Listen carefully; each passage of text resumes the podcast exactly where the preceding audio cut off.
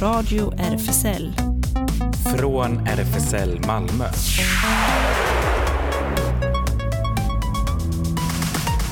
Välkommen till Radio RFSL, Riksförbundet för homosexuellas, bisexuellas, transpersoners, queeras och intersexpersoners rättigheter.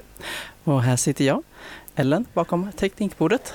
Och i studion sitter jag, Klas. Och inga gäster har vi idag i fysiken, men vi har det i alla fall inspelat. Precis, så vi har ändå, precis som förra veckan, många med oss. Vi har ju det. Röst, I röstform. Ja. ja, och det händer ju mycket späckat. Eh, du har ju träffat en eh, politiker. Yes, Karina Svensson, Socialdemokraterna, eh, som berättar vad Socialdemokraterna står i en rad hbtqia-frågor. Just det, och sen även en författare som har debuterat nyligen. Ja, det stämmer det. Benjamin Falk, författare till boken Karma är en bitch, mordet på en miljöikon. Honom får vi höra också. Och så var ju du och jag på premiären av Anastasia i fredags på Malmö Opera. Just det, musikalen som eh, fick bra recensioner och publiktrycket var ju enormt när vi var där. Det var stående ovationer i, jag vet inte hur länge. Ja, det var spännande. Mm. Ja, men eh, i de här tiderna när man måste välja, här kommer Choices. Välkommen igen. No. Yeah. No. Yeah, yeah. I give a fuck if you don't like me. No, no. I'ma stay getting money. Yeah, Choices med E40 var det. Ja, det var många val de hade att göra där på den låten tycker jag. Och kära radiolyssnare, på söndag är det vår tur att välja till riksdag, regioner och kommunala församlingar. Ett viktigt val. Vi har ju förmånen här i landet, liksom i de flesta av våra grannländer, att fritt kunna rösta på det eller de partier vi tycker verkar bra. Att rösta fritt är en rättighet som minsann inte finns överallt. Därför bör vi också utnyttja denna rättighet, nästan se den som en plikt. För precis som i Melodifestivalen eller Eurovision kan man ju inte annars komma efteråt och klaga på att fel låt vann eller fel parti vann. Klaga kan man förstås, men har du röstat har du i alla fall försökt påverka. Och med tanke på hur tajt det verkar vara opinionsmässigt i år är det en extra stor chans att just din röst kan spela en roll. Vi har ett parti här i landet som växer sig allt starkare trots sin nazistiska bakgrund. Det är i grunden fortfarande rasistiskt och det kan ju inte bli, eh, det blir ju inte mindre rasistiskt även om fler röstar på det. Partiet spelar på folks rädslor och försöker piska upp ännu mer skräck. Brottsligheten i allmänhet i Sverige går ner, men gängbråken och skjutningarna blir fler, vilket massmedia allt ivrigare rapporterar, vilket gör att problemet verkar gigantiskt. Det är det inte. Sverigedemokraterna, som genomgående röstat nej till alla förbättringar för hbtqi-personer har idag presenterat en lista på åtta punkter som de ovillkorligt kommer att vilja se genomförda om de ska stödja en framtida regering. Listan pekar mot ett hemskt kontrollsamhälle med nästan öga för öga bestraffningar. Tre av de borgerliga partierna faller allt mer in i ledet efter SD. Är det verkligen ett sådant samhälle vi vill leva i? Nej. RFSL har i sin valrapport noga gått igenom hur partierna röstat i alla aktuella hbtqi plus-frågor under den senaste mandatperioden och res resultatet visar tydligt vilka som står på vår sida och vilka som inte gör det. Rapporten visar att Vänsterpartiet är det parti som under de senaste fyra åren mest konsekvent i riksdagen har röstat för förbättringar av hbtqi-personers levnadsvillkor eller har röstat emot försämringar som drabbar asylsökande hbtqi-personer inom migrationspolitiken till exempel. Genomgången visar också att Sverigedemokraterna mest konsekvent motsatt sig förbättringar av hbtqi-personers livsvillkor. När det gäller partiernas åsikter visar rapporten att Miljöpartiets riksdagskandidater totalt vill verka för hbtqi-reformer till 92,75 procent, Vänsterpartiets till 83,21 procent, Center, eh, Centerpartiets till 82,95 procent och Liberalernas till 82,79 procent.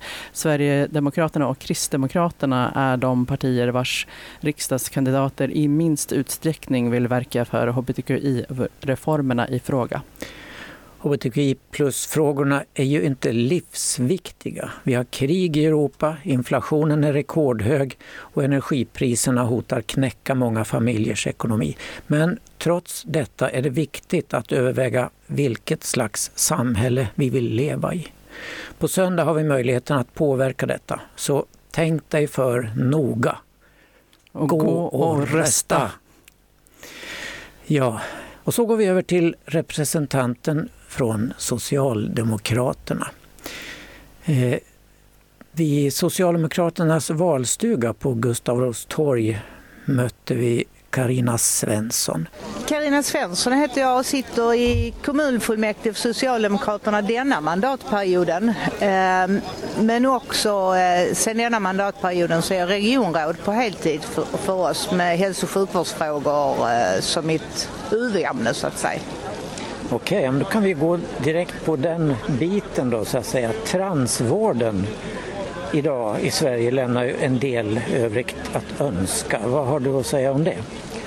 Men det gör den ju. Ehm, jag är inte jätteinsatt i, i det fysiska. Ehm, jag vet att vi eh, förra mandatperioden eh, ville tillsätta mer pengar till psykiatrin så att de ska få, få den eh, hjälp och det stöd de behöver. Eh, vi vill inte gå in och liksom säga att ni ska göra si eller så för det måste professionen och personen komma överens om vad som är, är gjort. Men, ähm... RFSL tycker ju att vården ska vara mer sammanhållen. Den är utspridd idag på en mängd olika händer så att säga. Ja, och det kan den ju vara om händerna är överens. Surrogatmödraskap har ju också diskuterats. Eh, det ska vara frivilligt och det ska vara altruistisk värdgraviditet. Ja, alltså jag är själv i grunden eh, oense med surrogatmödrar.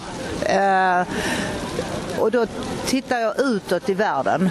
Eh, för det, här, det är ju det är ett sätt mång, i många länder, framförallt i u-länder, eh, där man använder det som en inkomstkälla. Det är kvinnor som, som inte... Eh, de gör det för att överleva, för att ge sin familj en, en överlevnad. Och sen så har det, har det blivit krig eller det har blivit någonting annat och så kan inte, ja men barnet föds ju där men kommer inte hit och ja, Ehm, så länge det går att använda som ett, ett, ett, ehm, ett, hot mot fattigdomen. Jag tycker inte det är okej. Okay. Men eh, om man tänker sig en svensk surrogatmoder helt altruistisk utan betalningar och sånt där.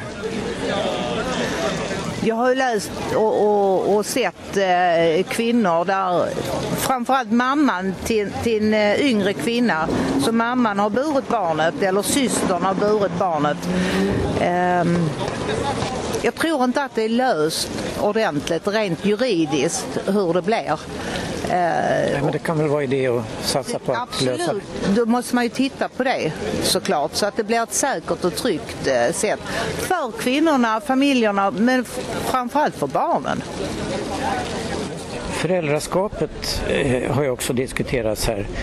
Den föräldraskapspresumtionen, att alla gifta par ska behandlas på samma sätt. Framförallt lesbiska kvinnor som har fött ett barn i utlandet och där barnet kanske inte blir svensk medborgare ens en gång för att lagen stämmer inte. Det borde väl tas upp? Alltså en svensk kvinna som föder ett barn, eh, som föder barn ska ju såklart, eh, jag tycker att barnet ska ha samma eh, nationalitet som vårdnadshavaren. Men eh, det kan ju vara en svensk kvinna som är gift med en engelsk kvinna. Det är ett eh, exempel här i Malmö. Det är den engelska kvinnan som föder barnet. Och blir då vårdnadshavare menar du? Och när de flyttar Sverige så blir barnet en utlänning även om Nej, Mamman båda, är svensk. föräldrar, båda föräldrarna måste ju få vara vårdnadshavare. Ehm, så är det, tänk, tänker jag. Två människor som får ett barn ihop eh, måste ju få bli vårdnadshavare. Sen kan det ju vara så att det är faktiskt fyra vuxna som blir föräldrar till ett barn. Eh, och då får man ju se över den biten. En annan fråga som har diskuterats är ju att fler än två personer skulle kunna vara förälder till ett barn. Eh, vad är din inställning där? Ja, men det är ju lite så här. Det kan ju vara två pappor och två mammor. Um, alltså två uh, homosexuella par som får ett barn tillsammans. Och då måste man väl kunna se över den biten rent juridiskt så att alla fyra blir, blir vårdnadshavare. Ja, Hedersförtryck har ju diskuterats mycket också. Hedersrelaterat våld och förtryck. Och där är ju många, bland annat homosexuella killar också drabbade. Eh, jag menar att det finns inget som heter hedersrelaterat våld. Så våld i hemmet, våld i nära relationer, det är våld. Eh, det ska varken förmildras eller eh, pratas bort eller så. Utan våld är våld och det ska eh, hanteras lika oavsett var jag kommer ifrån och vem jag är. Bra. Ehm, det har ju föreslagits också, eh, bland annat på den Eh, politikerdebatt som var under Pride, att ett hbtq-råd skulle bildas i Malmö, ungefär som det som finns i Göteborg. Vad tycker ni om det? Vi har ju inget sånt, precis som du säger. Eh, vi har, alltså, vi har inga speciella råd för, för olika frågor. Eh, Utan då måste man se det i stort. Om vi ska ha ett hbtq-råd, ja någon måste ju kanske gå före. Men som det ser ut idag så har vi valt att inte specificera oss mot det rådet eller det rådet. Eh, asylrätten för hbtqi-personer har ju ifrågasatts av vissa bruna partier. Vad säger du om sånt? Men är jag hotad till livet i det landet där jag bor eller född och uppvuxen oavsett om det är för att jag är homosexuell eller jag har, eh, är eh, aktiv politiskt och så. Ehm, de människorna måste ju ha, få lov att eh, få hjälp och få lov att komma till en fristad. Absolut. Och där säger då Sverigedemokraterna till exempel att ehm, Migrationsverket gör alldeles rätt som ifrågasätter när asylsökare från Mellanöstern till exempel först inte berättar men sen berättar att de är homosexuella.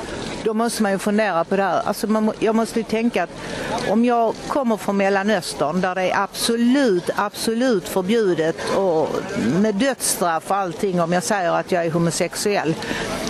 Så säger det sig själv att innan jag vågar lita på dem, på det landet som jag kommer till, inte berättar det ehm, så är det i all, alltså efterhand som jag lär känna där jag kommer eh, så är det ju här i valstugor och så. Vågar jag verkligen rösta?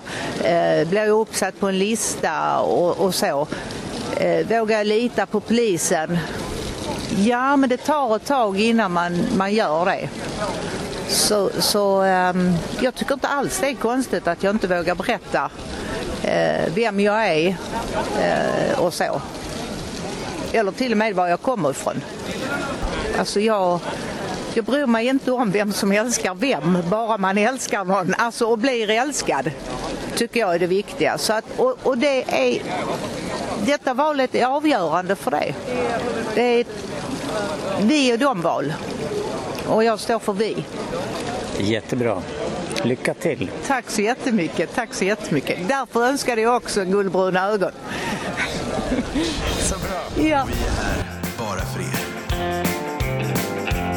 Dina ögon Så blå kan det aldrig mer bli Lennarts med Z och det med leende guldbruna ögon. Och Benjamin Falk eh, som är författare till boken Karma är en bitch, mordet på en miljöikon. Eh, många av hans personer i boken har massor med Z i sina namn så där är ju kopplingen då till Lennarts kanske. Men Benjamin som är 50 år nu växte upp i Malmö men flyttade härifrån innan han fyllt 20. Han har sysslat mycket med kommunikation men också en kort period som popsångare till exempel. Och nu är han marknadschef på Sheraton Hotel i Stockholm.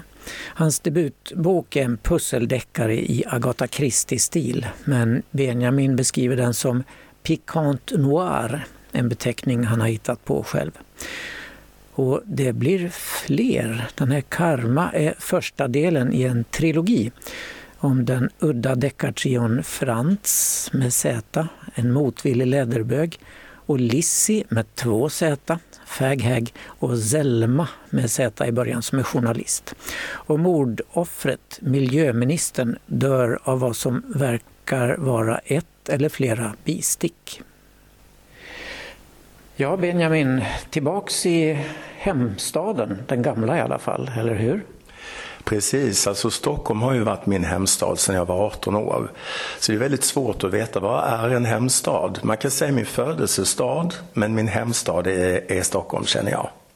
Det är klart det är nu ja. Och du har skrivit, eh, du är debutant, skrivit Karma är en bitch. Mm, den är ju väldigt aktuell eh, tidsmässigt tycker jag. Det är näthat, näthot, politikermord. Allt sammans har vi ju upplevt väldigt mycket nu, i synnerhet i valtider. Eh, Och du har eh, namn eller personer som kan man kan tänka på Greta Thunberg till exempel eller Ebba Busch. Eh, massa nya partier, Liberalmoderaterna till exempel och nykonservativa. Du har liksom satt dig in i den nya, din världs politikervärld. Det som är lite roligt det är ju att när jag skrev den här, det är alltså fyra år sedan jag började skriva den, så fanns inte riktigt den här politiska kartan som vi har idag. Så när jag satte de namnen, det är fyra år sedan, så antingen såg jag in i framtiden eller så var det bara så att jag helt enkelt ville hitta allianser och tänkbara partinamn som alla skulle förstå motsvarande om det fanns på engelska eller på franska så finns det ju liknande partier i alla länder så att säga. Så jag ville ha ord som alla kan känna igen och därför förstå ungefär var man står politiskt. Så det var liksom grundtanken till de här namnen. Det låter väldigt eh, förståndigt med tanke på hur det gick, eller hur det går nu då. Ja, och sen är det ju HBTQ, väldigt mycket HBTQ i boken och det tycker ju vi är väldigt bra och trevligt. Och eh, alla bokstäverna i HBTQIA plus nästan är med i boken också. Ja, alltså det vore ju konstigt eh, om jag skrev någonting som inte var HBTQI plus eller vad vi nu är någonstans i bokstäverna. Det är lite olika beroende på vem man frågar. Idag får man vara väldigt försiktig med att man säger rätt. Därför säger du fel så blir du cancelled. Men jag har blivit cancelled så många gånger i livet så det är inte jag rädd för. Men om vi återgår till det här med liksom HBTQI så kändes det ju väldigt, väldigt naturligt att skriva en, en, en om jag ska ha en deckartrio så måste ju en vara bög i alla fall och en faghag. Där har du liksom grunden. Det är ju så jag har levt sedan jag var 18 år. Och sen den tredje personen som kommer in, det är en journalist. Och jag kände att man behövde någon som kunde vara på insidan lite grann. En, en journalist som jobbar med kriminalfrågor som därför har tillgång till du vet, polisen och eh, forensics och så vidare. Just för att hur ska Frans och Lissi veta allt det här? Utan Frans och Lissi är den som driver liksom hela grejen. Men sen har vi Selma i bakgrunden som vet alla de här grejerna som gör att de kan pussla ihop det här pusslet till slut så att säga. Ja, Frans är läderbögen som är lite märklig läderbög tycker jag. Vilken läderbög pressar sina kalsonger till exempel? Jag skulle vilja säga så här att Frans är eh, en motvillig lärdebög på det sättet att han är ju det liksom att han gillar läderscenen. Men han är väldigt prydlig och tillbakadragen. Jag vill göra honom väldigt mycket till en motsatt av mig själv. Just, jag, ändå får jag frågan hela tiden, är du Frans? Nej, jag är inte Frans. Om du känner mig så nej, det är jag inte. Jag vill att Frans, det är också kul att skriva om någonting som är väldigt motsatt en själv, för det blir lite mer dynamik. Jag är mer lik hans Ferghar Glissi. Jag, jag finns i alla tre karaktärerna. Men om vi återgår till Frans så är han en um, han är liksom lite eftertänksam och lite så här försiktig, pedant, eh, har mycket fixa idéer och frågan är, han jobbar med autistiska barn till vardagen, frågan är om han själv är lite autistisk. Ja, du växte ju upp i Malmö och så flyttade du härifrån rätt tidigt då, som 18-åring till Stockholm. Varför flyttade du dit? Det var så att när jag gick i skolan så bodde min pappa i Stockholm. Så jag var i Stockholm på loven. Och eh, det var så när jag växte upp på 70 80-talet i Malmö att det var ganska svårt att vara annorlunda. Och jag har alltid skilt mig från mängden även som liten. Idag är det positivt, när man är liten är det inte positivt. Och eh, det som mobbad i skolan? Jag var väldigt mobbad i skolan. Jag gick ju på Danfryskolan på högstadiet och sen så på latinskolan på gymnasiet. Och eh, på Danfry blev jag väldigt, väldigt mobbad. Jag fick liksom åka annan väg till skolan. Ibland bli sen för att jag inte skulle bli slagen och så blev jag utskälld av lärarna för att jag var sen. Det var liksom, folk kastade, eller elever kastade mat på mig i matsalen och lärarna gjorde ingenting.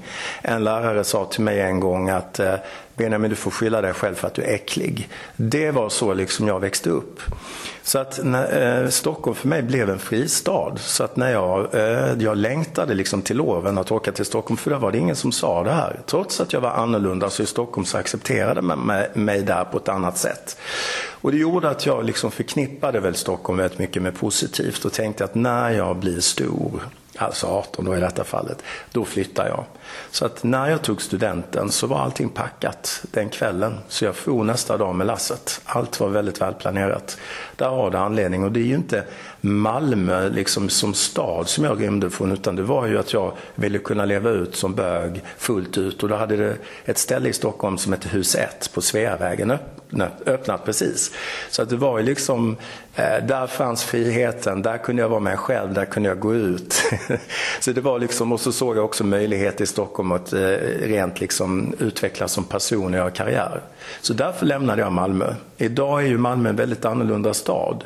Så det är jättekul att vara tillbaka.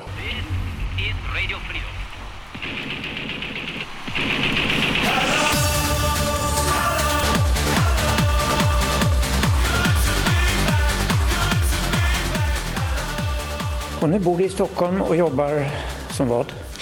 Marknadschef på Sheraton Hotel du har hotellvana. Hela din historia ut, utspelar sig ju på Saltsjöbadens fina kusthotell. Grand Hotel Saltsjöbaden, ja. Det var ju så här att i och med att det är en miljöminister som blir mördad och det är en miljökonferens så kände jag att det blir ju konstigt att vinna Sveriges mest bivänliga plats inne i stan. Va? Då tänkte jag att eh, Saltsjöbaden är väldigt pittoreskt, det är lugnt och fint. Där skulle man kunna ha mycket bin faktiskt och det kanske man har, det har inte jag kollat. Men i min värld så vann de då årets mest bivänliga plats. Och så ringde jag upp till eh, Saltsjöbadens hotell där, Grand Hotel och frågade Får jag använda hotellet som en bakgrund till boken?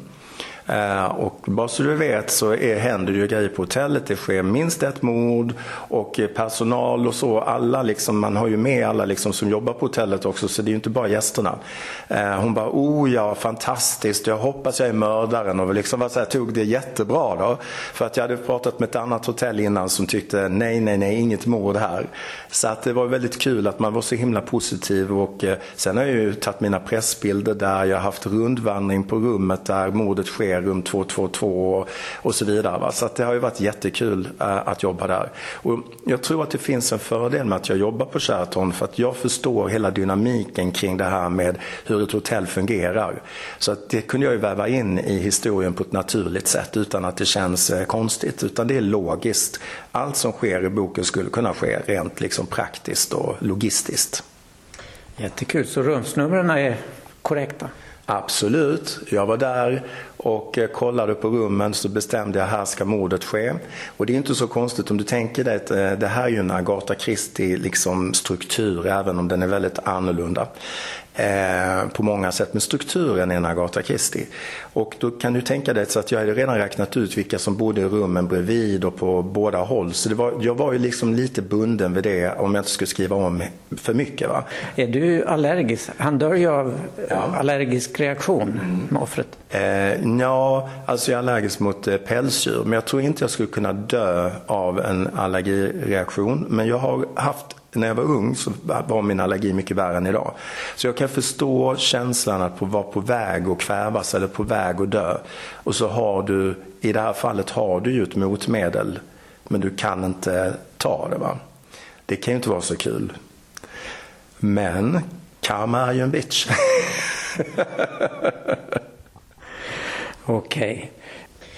Och du har ju den här Agatha Christie-avslutningen, alla samlas i ett rum och så. Men du har ju utvecklat det så att två är med på Zoom.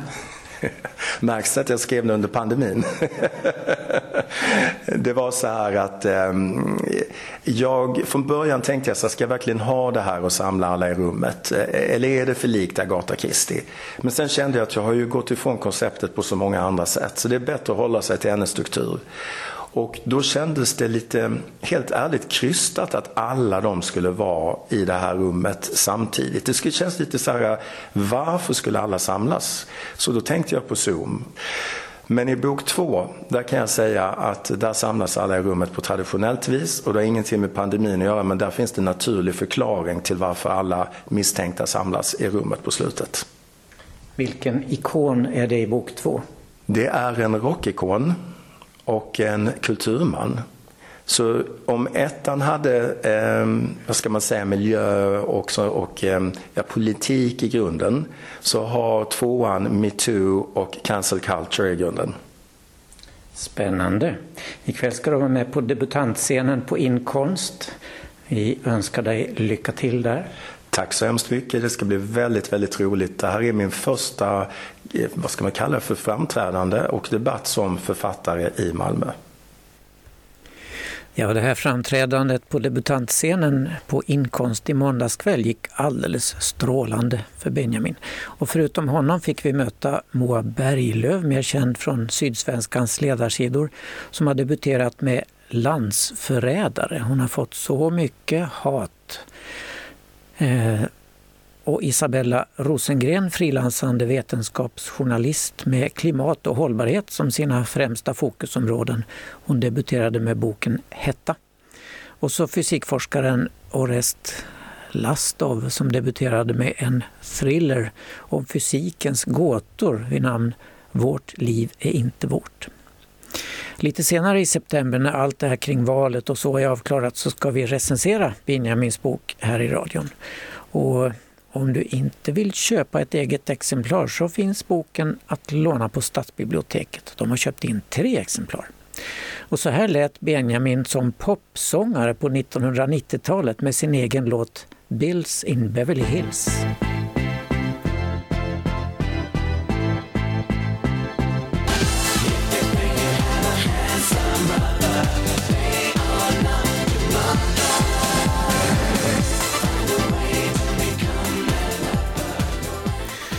Benjamin Falk där med sin egen låt Bills in Beverly Hills.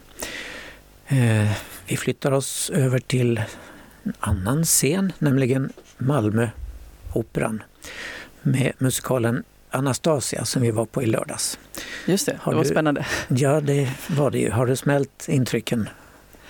Eh, inte riktigt kanske, det var ju så himla mycket. Eh, dels eh, det här med att det var premiär och att det var fullsmockat. Verkligen festligt redan när vi kom dit tyckte jag. Det var ju det.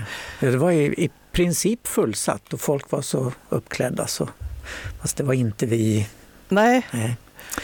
Men eh, det handlar ju om Anastasia och modern DNA-teknik tog ju 2009 redan död på den här historien innan den ens kunde börja.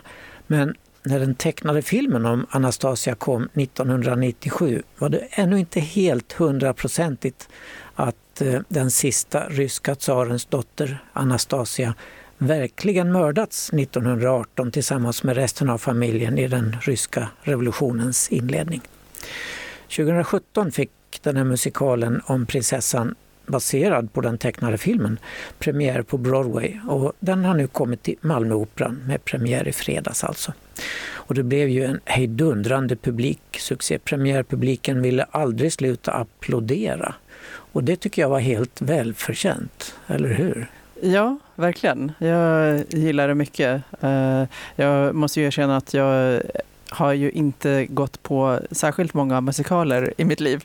Men eh, jag tyckte det var väldigt, väldigt välgjort Mm. och eh, väldigt fina röster. Ja, det var ju det. Sångarinsatserna var helt strålande. Och scenografin då? Den tycker jag var häftig. Benjamin Lacour har stått för den. Magnifik. Ljus och ljud var också perfekta. Ljudet märker man att den här nya tekniken de har infört där var man än sitter i salongen så har man bra ljud och man hör var ljudet är på scenen. Sångaren är där till höger och det kommer från höger även om man sitter. Ja, det är fantastiskt. Va? Ja, det tänkte jag faktiskt på. Jag var ju på den här eh, när de först eh, hade installerat eh, det systemet och det, det var verkligen precis som de beskrev, att oavsett var man satt. Så ja, Ja, det märktes tydligt tycker jag. Ja, och sen eh, alla kostymerna då, va? alla balklänningarna, alltsammans mästerligt designat av Nina Sandström. Och så Malmöoperans orkester och kör lika pålitligt samstämda som vanligt. Vi får uppleva Anastasias barndom i vackra Sankt Petersburg och sen ser staden förvandlas till den inte lika härliga staden Leningrad och då låter det så här på scenen. Den nya tiden stundar och människan är fri. Håll käft och böj din nacke nu, i annat fall försvinner du. Leve vårt parti! Sankt Petersburg på frammarsch. Ja, vi får sen följa hur skojarna Dimitri, som spelas av Andreas Weise, och Vlad, Mikael Jansson, gör den bedagade greven. De hör ryktena om att Anastasia har överlevt och att hennes farmor, som spelas av Lill Lindfors, sitter i Paris och har utlyst en jättebelöning till den som hittar hennes barnbarn. Men killarna letar och hittar så småningom sin Anastasia, spelas av Tuva B Larsen, och lyckas smuggla ut henne ur Ryssland. Men hon jagas av en nitisk Sovjetpolis, Filip Jalmelid, ända till Paris. Och vi hörde ju flera av dem i förra veckan här i vår mm, radio. Scenografin i första akten är en lång rad vita genomskinliga ridåer i olika lager som sinnrikt och genialiskt kan lyftas och sänkas och täcka hela eller delar av scenen och bilda olika rum. Det tyckte jag fungerade väldigt bra. Eller vad säger du? Ja, jag tyckte också det. Och jag tror vi kommenterade också, det var särskilt en, eh, ett tillfälle då, eh, Anastasia drar ner, det, det såg ut som att hon drog ner eh, en hel, eh, ja vad ska man kalla det? Eh, jättelång ridå som Ja, täckte hela ja. främre delen. Precis. Ja, det var effekt. Det var i slutet på första akten. Ja. Ja, eh, de kommer då eh, till Paris i andra akten. Det är där, och där blir det kanske en aning för många Eiffeltorn och triumfbågar. Det, triumfbågarna var stora och små och man hade dem som pallar och allt vad det var. ja, lite överpedagogiskt. Men där i Paris möter vi den riviga grevinnan Lili. Änkekejsarinnans allt i allo spelad med glöd av Åsa Fång. Vi måste också nämna allkonstnären Oskar Pierrot Lindén som dels spelar tsar Nikolaj i första akten, dels låter den olycksalige greve Ippolitov sjunga en avskedssång a cappella innan han bompang skjuts. Och dels dansar han prins Sigfrid i det korta utdrag från balletten Svansjön som vi får se, plus att han gör ett antal andra mindre roller. För regin svarar Johanna Hübinette efter konstnärligt koncept av Elisabeth Linton och dirigent är Joakim Hallin. Och så här låter det när folk i, Leningrad börjar tissla och tassla om att Anastasia kanske lever trots allt. Har ni hört? Det går rykten i Sankt Petersburg. Har ni hört? Kan det...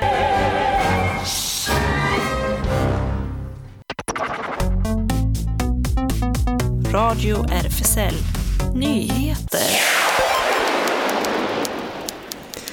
Två lesbiska kvinnor är dömda till döden i Iran för att ha, som det heter, korrumperat jorden genom att bara vara lesbiska. Enligt en kurdisk människorättsorganisation dömdes Sara Sediki Hamedani, även känd som Sara, 30 år gammal, och Elham Chubdar, 24 år, båda till döden för korruption och har främjat homosexualitet, skriver brittiska Pink News. De hålls för närvarande i fängelse i staden Urmia. De två kvinnorna dömdes inte bara för att ha citat, främjat homosexualitet utan även, som det heter, främjat kristendomen och kommunicerat med media som motsätter sig den Islamiska republiken. Amnesty International har krävt de båda hbtq plus-aktivisternas frigivning i ett brev till den iranska överdomaren, men förstås utan resultat. Den brittiska hbtq plus-rättighetsaktivisten Peter Tatchell säger i en intervju i The Jerusalem Post. Eh, Sara Sediki Hamedani och Elham Shubdar är båda anklagade för att vara hbtq plus-aktivister och har dömts till döden på anklagelser om korruption på jorden genom främjande av homosexualitet. Denna mycket allvarliga sammanfattande anklagelse används ofta mot regimkritiker och de som uttrycker åsikter som inte är förenliga med islamsk ortodoxi. Det resulterar normalt i avrättning. Thatchell noterade att Hamedani uppges inte ha tillgång till advokat under hennes tio månader i fängelse och beskrev Iran som ökänt för orättvisa rättegångar. Igår släpptes ännu ett avsnitt av Sveriges Radios hörvärda Mellanöstern-podd. Det handlar om förbjuden kärlek med livet som insats i Mellanöstern. I Saudiarabien förstörs leksaker i regnbågens färger och homosexualitet kan straffas med fängelse, spöstraff eller stening. I podden berättas om varför det kan vara livsfarligt för hbtq-personer i Mellanöstern. I en rad länder i Mellanöstern är homosexualitet straffbart och i flera länder i regionen kan homosexualitet till och med straffas med döden, något som domen mot de lesbiska kvinnorna i Iran visar. Samtidigt som hbtq-personer i Mellanöstern strider för ett erkännande och ökade rättigheter så svarar myndigheter med straff och hot. I Egypten till exempel dömdes två studenter till fängelse efter att de hade viftat med regnbågsflaggor vid en konsert. De lyckades fly till Kanada där lesbiska Sara Hegazi senare begick självmord. I Irak har det varit flera uppmärksammade mord på homosexuella. Dessutom har hbtq-aktivister kidnappats och torterats av väpnade miliser. Bland de grövsta exemplen finns då terrorgruppen IS eh, som knuffade homosexuella från hustak i Irak och i Syrien för att sedan stena dem till döds. Terrorgruppen spred avskräckande eh, bilder på männen i sina propagandakanaler. Medverkande i det här poddavsnittet är SRs Mellanöstern-korrespondent Cecilia Uddén och Johan Mattinas, eh, Mattias Sommarström och RFSLs förbundsordförande Trifa Shakili. Vi lägger ut en länk till podden. Omkring 6 500 personer deltog i fredags i en manifestation i Münster för att hedra Malte C som avled efter att ha misshandlats svårt då han förra lördagen försvarade två deltagare i Pride-paraden i stan som attackerades av homofober. Hatbrottet har skakat om Tyskland, skriver QX. Flaggor hissades på halv stång runt om i Münster och i en kondoleansbok som satts upp för allmänheten att skriva i skrev enligt queer.de borgmästaren Markus Lewe från CDU så här. Denna grymma händelse visar att vi fortfarande måste göra mer för jämlikhet och acceptans av människor med olika sexuella läggningar. Malte C var transman, aktiv i den tyska transrörelsen. Felix Adrian Schäper, styrelseledamot i föreningen Transintermünster, berättade för nyhetsbyrån DPA att eh, han bar vår banderoll på demonstrationen. Han var gladare än han varit på länge. Det var inte det slutet han förtjänade, sa Schäper vidare och sa att övergreppet definitivt var en attack på queer-rörelsen. Under fredags eftermiddagen förra veckan greps en 20-årig man av polisen misstänkt för den dödliga misshandeln. Vid attacken ska även en andra man ha varit inblandad men den personen är ännu inte gripen. Ryssland anklagar appen TikTok för att sprida homosexuell propaganda till minderåriga. Nu riskerar plattformen böter igen, läser vi i QX. Sedan 2013 är det förbjudet att sprida det som kallas homosexuell propaganda till minderåriga i Ryssland. Något som appen TikTok vid upprepade tillfällen anklagats för att göra. Nu riskerar bolaget bakom TikTok nya ryska böter efter att ha inslag om hbtq, feminism och förvränga idéer av sexuellt beteende eh, har spritts där, rapporterar Reuters.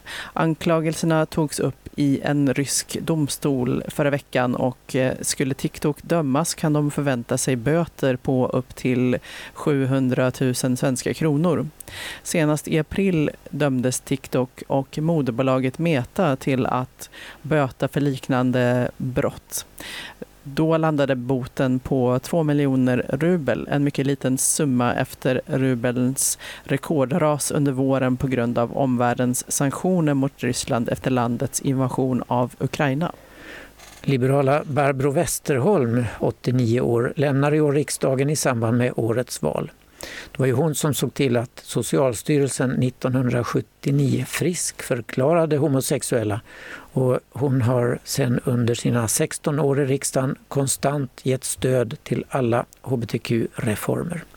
På QX Opinion anger hon de kommande hbtqi-politiska reformerna och namnger tre Stockholmspolitiker hon vill se invalda. Att som riksdagspolitiker driva hbtqi-frågor är som att springa maratonlopp. För att komma i mål krävs övertygelse, god kondition och tålamod. Utan det hade vi idag inte haft en könsneutral äktenskap, inte möjlighet för enkönade par att adoptera och för lesbiska par att genomgå assisterad befruktning. Utan det hade inte heller kravet på sterilisering av personer som vill genomgå könskorrigering försvunnit, skriver Barbro. Men mycket återstår, konstaterar hon. Vi måste införa en könsneutral föräldrabalk. Vi måste införa en tydlig lagstiftning som gör altruistisk vårdgraviditet för juridisk till en juridiskt trygg möjlighet för familjebildning i vårt land. Vi måste också få en lagstiftning som reglerar hur föräldraskap ska fastställas för barn som fötts efter vårdgraviditet i utlandet. Barnen får inte, som idag, riskera att bli statslösa. Det måste också bli möjligt att ändra juridiskt kön utan krav på medicinsk utredning. Till det kommer att den medicinska könskorrigeringen måste kunna genomföras på ett säkert sätt. En helt annan viktig fråga är att vi måste få ökad rättssäkerhet för asylsökande hbtqi-personer. Nu är jag på väg att lämna riksdagen och kommer att arbeta med de här frågorna från annan plattform, säger Barbro. Samtidigt känns det viktigt att andra som står på vallistorna och som brinner för hbtqi-frågorna kan fortsätta mitt maratonlopp i riksdag, regering och kommun. De jag närmast tänker på i Stockholm är Liberalerna Anna Starbrink, riksdagskandidat och Ingvar J Ekelund, och så Fran, Fra, Facundo Onia, kandidat i region och kommunvalet. Förra veckan släpptes trailern till Hilma, Lasse Hallströms film om den lesbiska konstpionjären Hilma af Klint. I Viaplays storfilm Hilma har Tora Hallström och Lena Olin huvudrollerna. De spelar konstnären som ung och i mogen ålder. Oscars-nominerade Lasse Hallström regisserar och har skrivit manus. Hilma af Klint, var, eh, eh, Hilma af Klint som var en pionjär inom abstrakt konst och som för, först efter sin död blev en erkänd, hyllad och en feministisk ikon. Hon skrev i sitt testamente att hennes konstverk inte fick visas för allmänheten förrän tidigast 20 år efter hennes död eftersom hon var övertygad om att omvärlden först då skulle förstå deras betydelse. Därför blev de inte kända Eh, för en bred publik förrän för omkring tio år sedan. Men idag är hon en av våra mest kända konstnärer. Hilma bildade gruppen De fem och de fem kvinnorna delade inte bara konstintresset utan stod nära varandra på mer än ett sätt. Hilma utvecklade också en kärleksrelation med sin mors sköterska, Thomasin Andersson, vilket också skildras fint i filmen.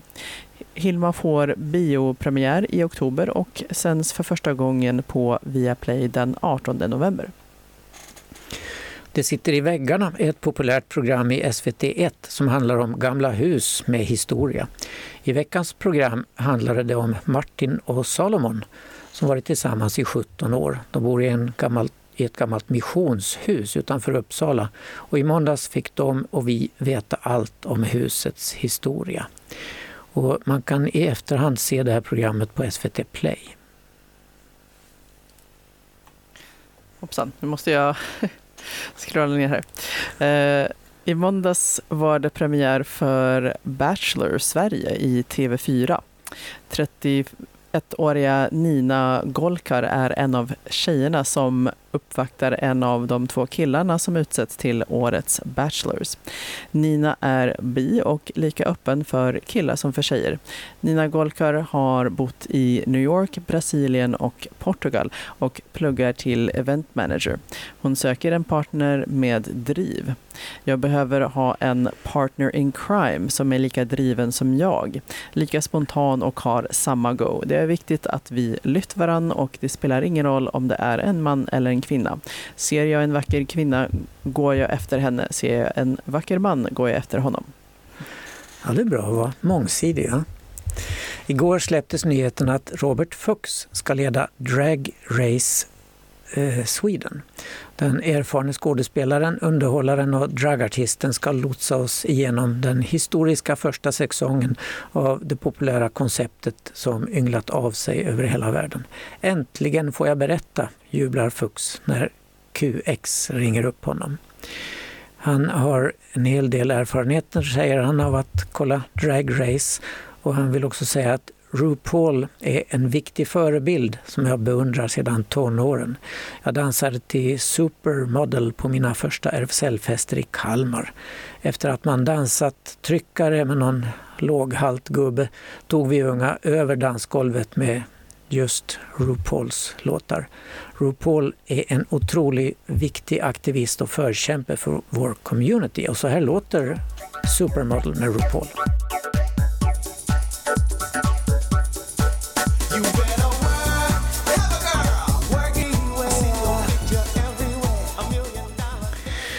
Ja, då var det dags för Det händer och nu tror ni att programmet är slut för klockan är sju, men det är det minsann inte. Vi tänker fortsätta en liten stund till. Och då börjar vi med RFSL som har sin lokal på Stora Nygatan 18. Och för att få veta vad som händer kan man kolla in våra sociala medier som Facebook är väl det mest uppdaterade.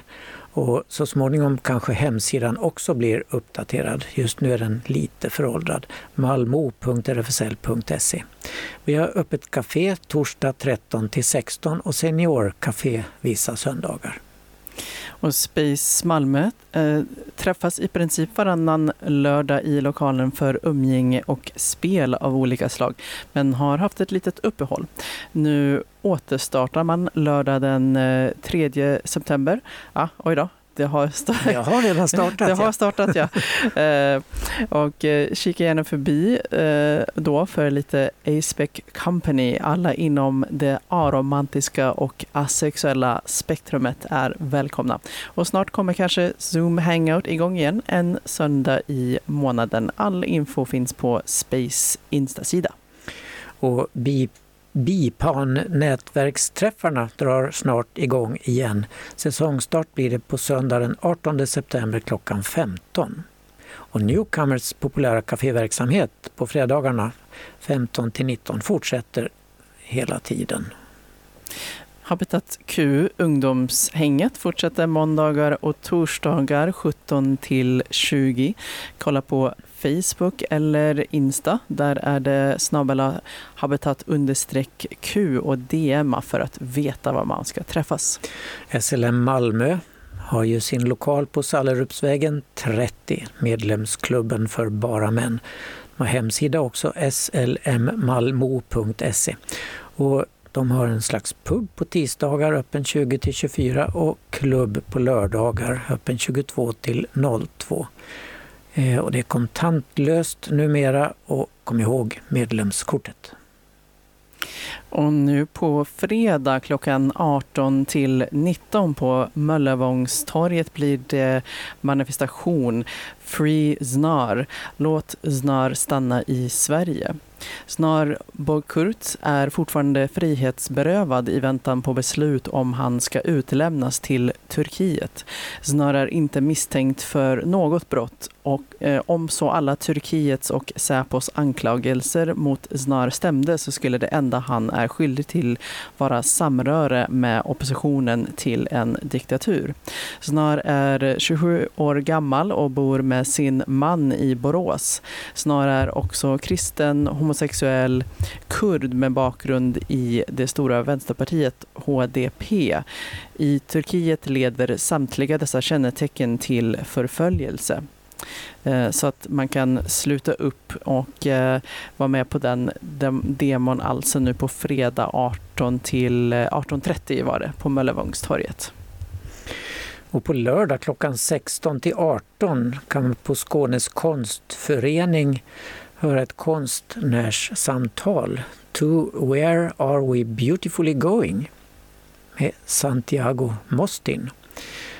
Och Mostin skapar film, installationer och performances som undersöker gränsen mellan skilda kulturella sfärer genom en intuitiv process för att ägna sig åt kunskap och historia lika förankrad i kroppen som i det nationella sinnet. I seriens tredje upplaga som man nu är inne på intar han Santiago Mostin scenen och presenterar ett visuellt och litterärt medley av praktik, process och tänkande. Mm. Och eh, lördag klockan eh, 21.00 eh, är eh, första evenemanget ordnat av eh, Malmö Gorilla Queer Bar Takeover. Eh, det är då eh, andra helgen i september som det gäller.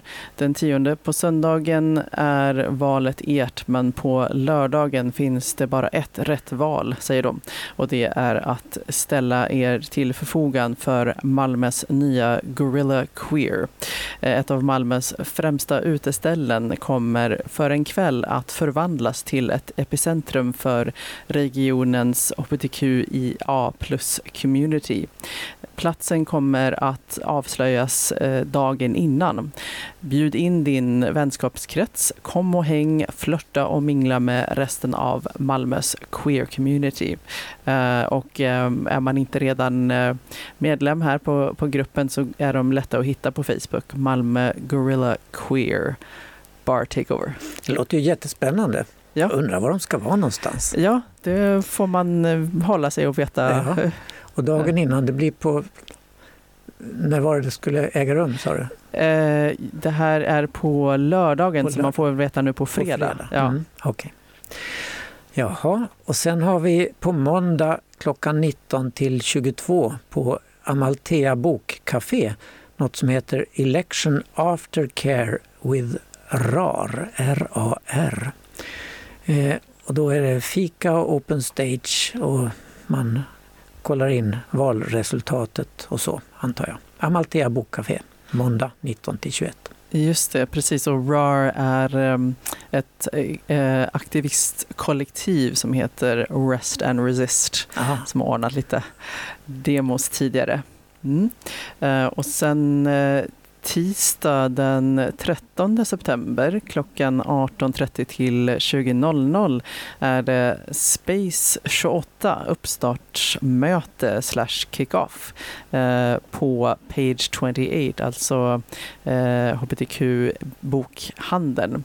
Page 28 bjuder in till två uppstartsmöten om Space 28, din kreativa mötesplats i Malmö. Space 28 ska vara en välkomnande, normkritisk och normbrytande mötesplats som verkar för att skapa ett tryggare rum för unga 13-25 år, eh, hbtqia plus-personer som inte omfattas av det vita cis-heteronormativa majoritetssamhället. Inom denna mötesplats är det av vikt att vi gemensamt skapar en miljö där vi känner tillhörighet och gemenskap. Samtidigt ska Space 28 även bidra till att aktivera och utveckla unga personers kreativa sidor samt tillgängliggöra kultur genom workshopen som arrangeras varje månad. Så det kan man läsa mer om på Page 28. Okej, så är det en fotoutställning vi ska prata om. Den heter Hon, en berättelse om kvinnor i Mellanöstern och den öppnades i söndags i Sankt Johanneskyrkan i Malmö och pågår till den 19 september. Fotograf Charlotta Sparre, tidigare bosatt i Malmö, vill med den här utställningen ge en positiv bild av Mellanösterns kvinnor. Fotografierna visar starka kvinnor med stor yrkesskicklighet och positiv energi. Och på måndag 12 september är alla välkomna klockan 18 till ett samtal om utställningen med fotografen Charlotta Sparre närvarande i Sankt Johanneskyrkan. Och eh, utställningen Not a typical Persian girl eh, med eh, Atusa Faramand och Oskar Hagberg fortsätter fram till den 18 september på Lilla galleriet Redan intill Tabu på Södra Förstadsgatan. Eh, och och eh, utställningen Not a typical Persian Girl försöker belysa situationen för kvinnor och flickor i Iran genom att eh, kata, eh, katalogisera några av de saker som är förbjudna för dem. Saker som att cykla, åka motorcykel, sjunga och titta på fotboll på en stadion är några exempel på vardagsnöjen som är förbjudna för kvinnor i Iran. Men utställningen försöker också avslöja humorn och den livfulla andan som persiska kvinnor och flickor möter eh, de begränsningarna som stänger in dem. Och till sist kan vi berätta att den 20 september bjuds allmänheten in till ett föredrag på Malmö stadsarkiv om forskningen bakom Malmös tre nya snubbelstenar och vilka de tre hedrade männen på dessa stenar var. Det handlar alltså om Malmös första snubbelstenar nyligen installerade på Posthusplatsen. Den hedrar tre personer som föll offer för Förintelsen och är en del av det europeiska konstprojektet Stolpersteine. Tanken är att stenarna ska vara ett sätt att hedra och minnas de judar, romer, homosexuella eller politiska motståndare som förintades eller fördrevs av nazisterna åren 1933 till 45.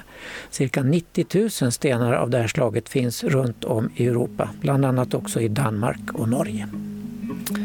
Ja, det var vad vi hade i vårt utökade Ja. program. Fullsmockat med intervjuer och eh, nu avslutar vi med Det händer. Hoppas ni har haft trevligt och vi hörs igen nästa vecka. Här kommer Election Day med Blaze Foley. Jag går och rösta.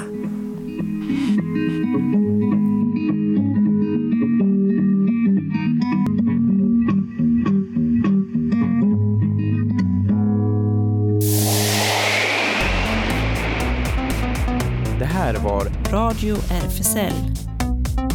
Från RFSL Malmö.